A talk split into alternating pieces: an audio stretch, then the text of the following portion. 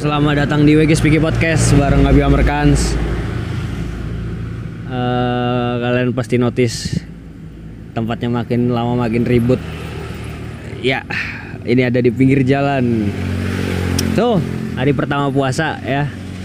Selamat eh, berpuasa buat yang ya buat yang puasa dan eh you know bulan puasa adalah bulan di mana tiba-tiba semua kebaikan tuh kayak ringan dilakuin.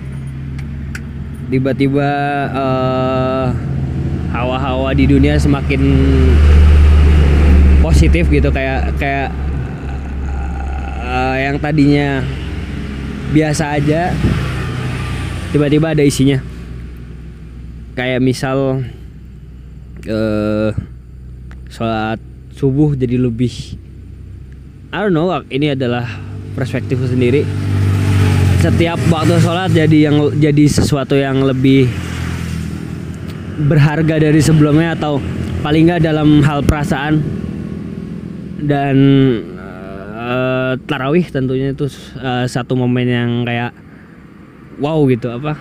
Ada sholat 11 rakaat setiap malam dan kita ngerasa harus harus harus harus banget buat ngejaga itu ya namanya bulan ini ya bulan-bulan apa namanya yang katanya adalah tempatnya orang ibadah semua pahala dilipat gandakan ya. Kayaknya emang wajar banget buat hal-hal kayak tadi tuh kejadian. Jadi eh, dan apa sih? Ya udah itu aja bos. Oh, ya pokoknya Ramadan ini bulan yang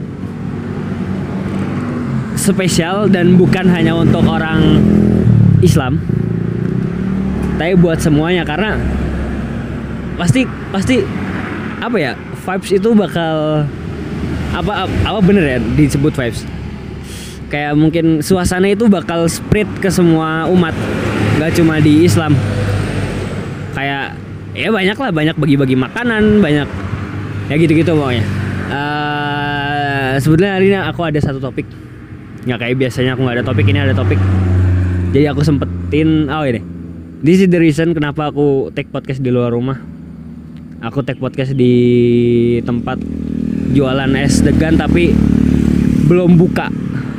Ini masih jam 7 pagi. Ya 7 kurang kayaknya. Oh nggak tahu jam berapa ya jam segitu. Eh aku keluar rumah karena di rumah lagi rame banyak orang dari kemarin mau tag tapi nggak enak ya udah deh di luar aja. Eh, ah, yang mau diomongin kali ini adalah kemarin ada yang nyeletuk. Jadi aku lagi naik motor gitu. And then ngobrol sama orang yang tak boceng. Terus nyeletuk katanya gini. Dulu kan nggak eh, kita ngobrolin soal lari. Nah aku cerita kalau aku habis lari 21 kilo walaupun nggak ini banget ya. Oh ya jadi 21 kilo tuh adalah pencapaianku tahun 2021 yang emang udah aku targetin dari awal. Eh, dan kemarin alhamdulillahnya kecapean walaupun di kilometer 17 udah mulai eh, udah mulai lemes gitu kayak udah mulai jalan lari jalan lari istirahat gitu di kilometer 17 18 udah mulai kayak gitu. Jadi sisanya masih harus dilatih lagi. Yang penting 21 itu udah kecapean kilometernya walaupun ditempuh dengan cara tersebut. Dan ketika aku habis ngobrol lagi gitu dia ngasih tahu gitu kayak kenapa nggak dari dulu kita lari ya? gitu. Kenapa nggak dari dulu kita lari padahal kita dulu tinggal di ini di tempat yang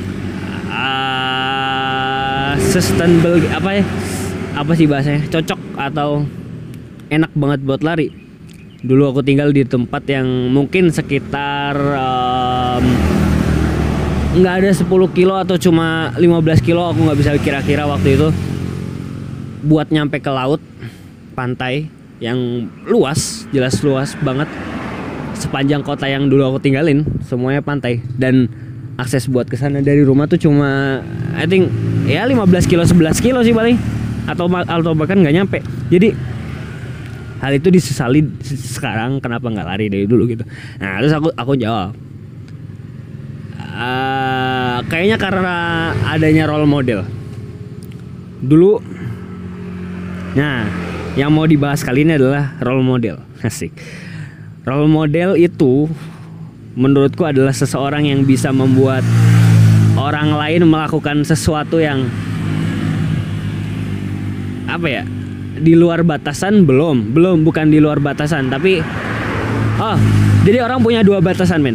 Orang punya dua batasan. Satu batasan yang ada di imajinasi dia satu lagi batasan yang sebetulnya dia punya.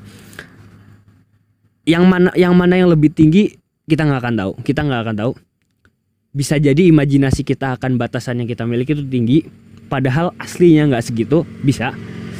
Atau sebaliknya juga bisa. Batas kita tuh sebetulnya jauh kita bisa sejauh itu tapi yang kita pikirin nggak kita cuma segini. Nah itu mungkin teori dasar dari adanya kata insecure gitu ya. Yang mana kita pikir kita nggak bisa tapi ternyata aslinya itu bisa. Nah contoh nih contoh. E, contoh yang pertama itu kan sebetulnya orang nggak mampu atau batasnya tuh segini uh, satu gitu. Tapi di yang ada di imajinasi dia dia punya batasan dua gitu. Misal dia pengen daftar uh, I think daftar sekolah atau kuliah dia pilih universitas yang uh, punya tingkat penerimaan rendah persentase penerimaan rendah dia yakin dia bisa tapi ternyata ketika ngerjain soalnya dia bingung. Nah, itu adalah contoh orang yang bermain di imajinasinya aja gitu. Ternyata dia lupa ngelihat batasan aslinya. Tapi ada orang yang kebalikannya yang dia nggak tahu batasan aslinya dia seberapa atau dia sengaja menutupi. Kayak misal nah sebenarnya ini lebih kayak orang main aman ya tapi nggak harus kayak gitu sih nggak harus kita selalu main aman. Uh, nah, nah dari main kan udah paham ya? Yang kedua udah paham lah ya. Cuma dari yang kedua ini kita bisa ngebahas ke arah role model tadi. Yang bikin kenapa aku nggak lari dari dulu. Padahal dulu tempatnya tuh bagus. Sedangkan sekarang kesempatannya itu udah nggak ada. Uh, mungkin ya mungkin orang punya standar uh, aku nggak bakal bisa segitu. Karena dia belum melihat role model. Dia ngerasa bahwa dirinya nggak bisa ngapa-ngapain karena dia belum belum tahu bahwa ada orang yang bisa loh kayak gini. Dan dia sebetulnya nggak jauh beda dari kamu gitu. Uh, ambil contoh langsung lari lah ya. Dulu aku mungkin nggak berani lari mencoba lari 5 kilo aja gitu nggak berani karena belum ada yang aku tahu orang bisa lari 5 kilo seumuranku gitu misal yang temen deket bisa lari 5 kilo belum. Uh, kemudian sekarang kenapa aku bisa berani sampai 21 karena ada role model. Salah satunya ada role model. Salah satunya orang yang ini yang yang uh, aku pernah ceritain cuma ada di platform lain gitu. Aku pernah ceritain gimana aku bisa mulai lari aku siapa siapa yang menginspirasi aku. Nah, orang-orang itu adalah orang-orang yang jadi role model dan sebetulnya fase role model itu ada ini ada fasenya. Jadi gini awalnya role model tuh udah ada. Aku udah kenal sama orang itu. Dia sering upload soal lari dia sering lari segini segini, segini. tapi belum ada hasrat. Mungkin di situ ada ada fase pertama. Yang mana aku mulai sadar bahwa orang tuh punya potensi kayak gini. Dia udah tua dia masih bisa lari sekuat itu. Uh, mungkin di situ aku mulai sadar bahwa ada potensi tapi aku belum mulai. Nah di situ menurutku ada yang namanya aspek satu lagi yang bisa bikin orang ngalahin ekspektasi uh, ngalahin batasan yang dia bikin sendiri buat nyampe ke batasan asli dia. Namanya kepekaan. Kepekaan sama keberanian ya keberanian sih nanti ya. Ke, yang penting peka, peka dulu bahwa ada role model. Yang harus kita lakukan adalah peka peka sama keadaan uh, yang kemudian bikin kita kayak oh ini harus aku lakuin. Aku harus uh, nyoba lah minimal. Kayaknya aku bisa gitu. Nah ternyata kepekaan itu nggak semuanya orang punya. Karena kadang uh, orang tinggal di lingkungan orang-orang sukses. Ada orang yang berteman sama orang-orang sukses. Orang uh, setiap hari bertemu sama orang-orang yang punya semangat tinggi tapi ternyata dia nggak. Tapi dia nggak bisa kayak mereka.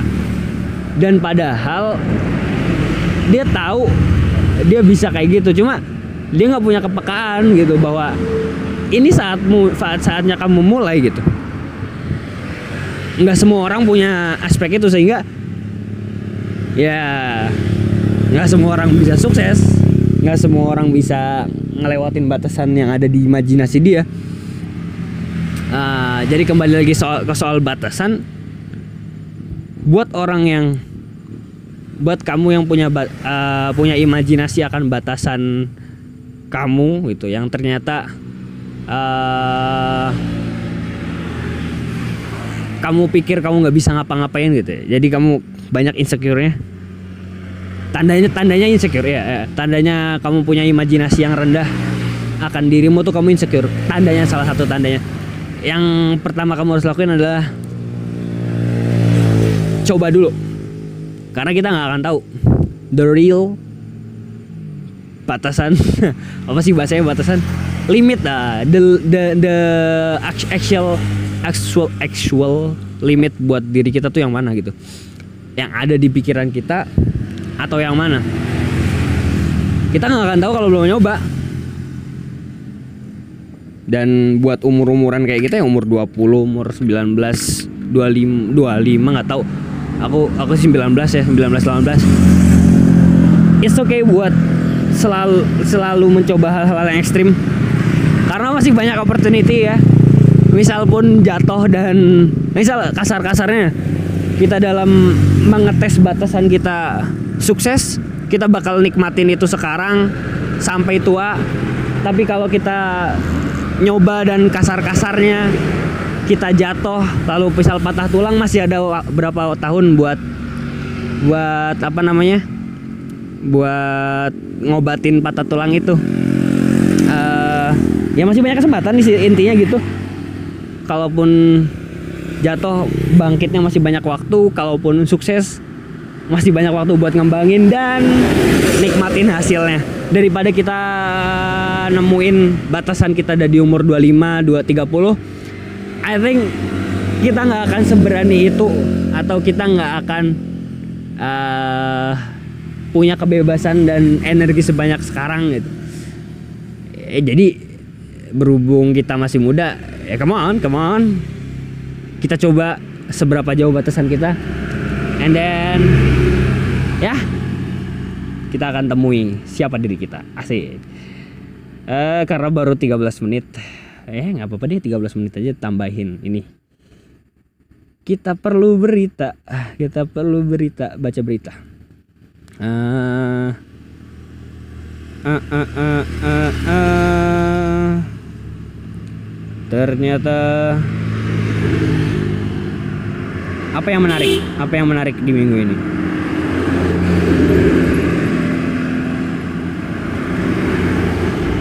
Pelaku oh ada ada pembunuhan kah? Penembak Paris pelaku masih melarikan diri. Diduga sudah menargetkan korban oh di Paris nih. Satu. Kenapa? Satu orang tewas. Ini sumbernya dari Kompas. Satu orang tewas dan satu luka parah dalam penembakan di luar rumah sakit Paris pada Senin tanggal 12 ya. Menurut kantor kejaksaan kota pada CNN penyerang melarikan diri dari tempat kejadian di rumah sakit Henry Du gimana bacanya D U N A N T Danan. Gitu ya? Di distrik 16, ibu kota Prancis, Prancis, pelaku yang diduga telah menargetkan pelakunya menggunakan kendaraan roda 2. Kantor kejaksaan mengatakan penyelidikan awal menunjukkan bahwa korban adalah seorang pria 33 tahun. Dia diduga sengaja dijadikan sasaran oleh pria bersenjata itu. Korban kedua yang terluka adalah seorang wanita berusia 33 tahun, 33 sama. Diidentifikasi sebagai petugas keamanan di rumah sakit tersebut. Berdasarkan penyelidikan awal, kantor kejaksaan meyakini korban kedua tidak terkait dengan korban pertama. Nah, ada apa nih? Wanita itu saat ini dirawat di rumah sakit dan masih kritis, pokoknya gitu. Kantor kejaksaan mengatakan penyelidikan ter- dibu- telah dibuka untuk pembunuhan dan percobaan pembunuhan oleh kelompok terorganisir konspirasi kriminal. Rumah sakit Henry Danan adalah rumah sakit untuk usia lanjut terletak di lingkungan yang makmur, fasilitas eh, tentang vaksinasi COVID, eh, bukan penyerangan teroris, serangan teroris terhadap pusat vaksinasi. Saat ini penyerang belum diidentifikasi. eh, ya ngeri ya pokoknya. Apa namanya soal ya kita lihat lah, kita lihat ketika di negara ini udah ada yang berani masuk ke markas polisi lalu nembak-nembakin ya kita udah nggak punya harapan gitu Eh, bukan nggak punya harapan kita ya mau gimana di luar kantor polisi gitu. Ya cuma kebetulan aja karena kelompok-kelompok itu emang niatnya bukan untuk matiin orang-orang secara umum tapi cuma pengen ngancem polisi. Mungkin ya mungkin ya. Mungkin cuma buat ngancem-ngancem institusi negara. Jadi penyerangan terjadi di institusi negara. Tapi gimana kalau yang terjadi adalah kalau kelompok kelompok-kelompok yang kayak gitu adalah orang yang emang haus buat ngebunuh emang orientasinya money ya em- mereka ke kantor polisi aja berani ngelepas satu orang apalagi ke tempat-tempat yang bukan kantor polisi yang mana eh, nggak ada penjagaan nggak ada orang yang bakal nangkap dia secara langsung. Iya orang yang bisa bebas berekspresi ya pokoknya dunia makin ngeri. Kita harus siapin banyakin duit biar aman. Juga banyakin eh, keberanian. Eh tapi duit tetap sih duit. Duit kalau mau bertahan di dunia penting. Dan ya. Ya semoga semuanya baik-baik aja. Oke see you next time. Terima kasih udah dengerin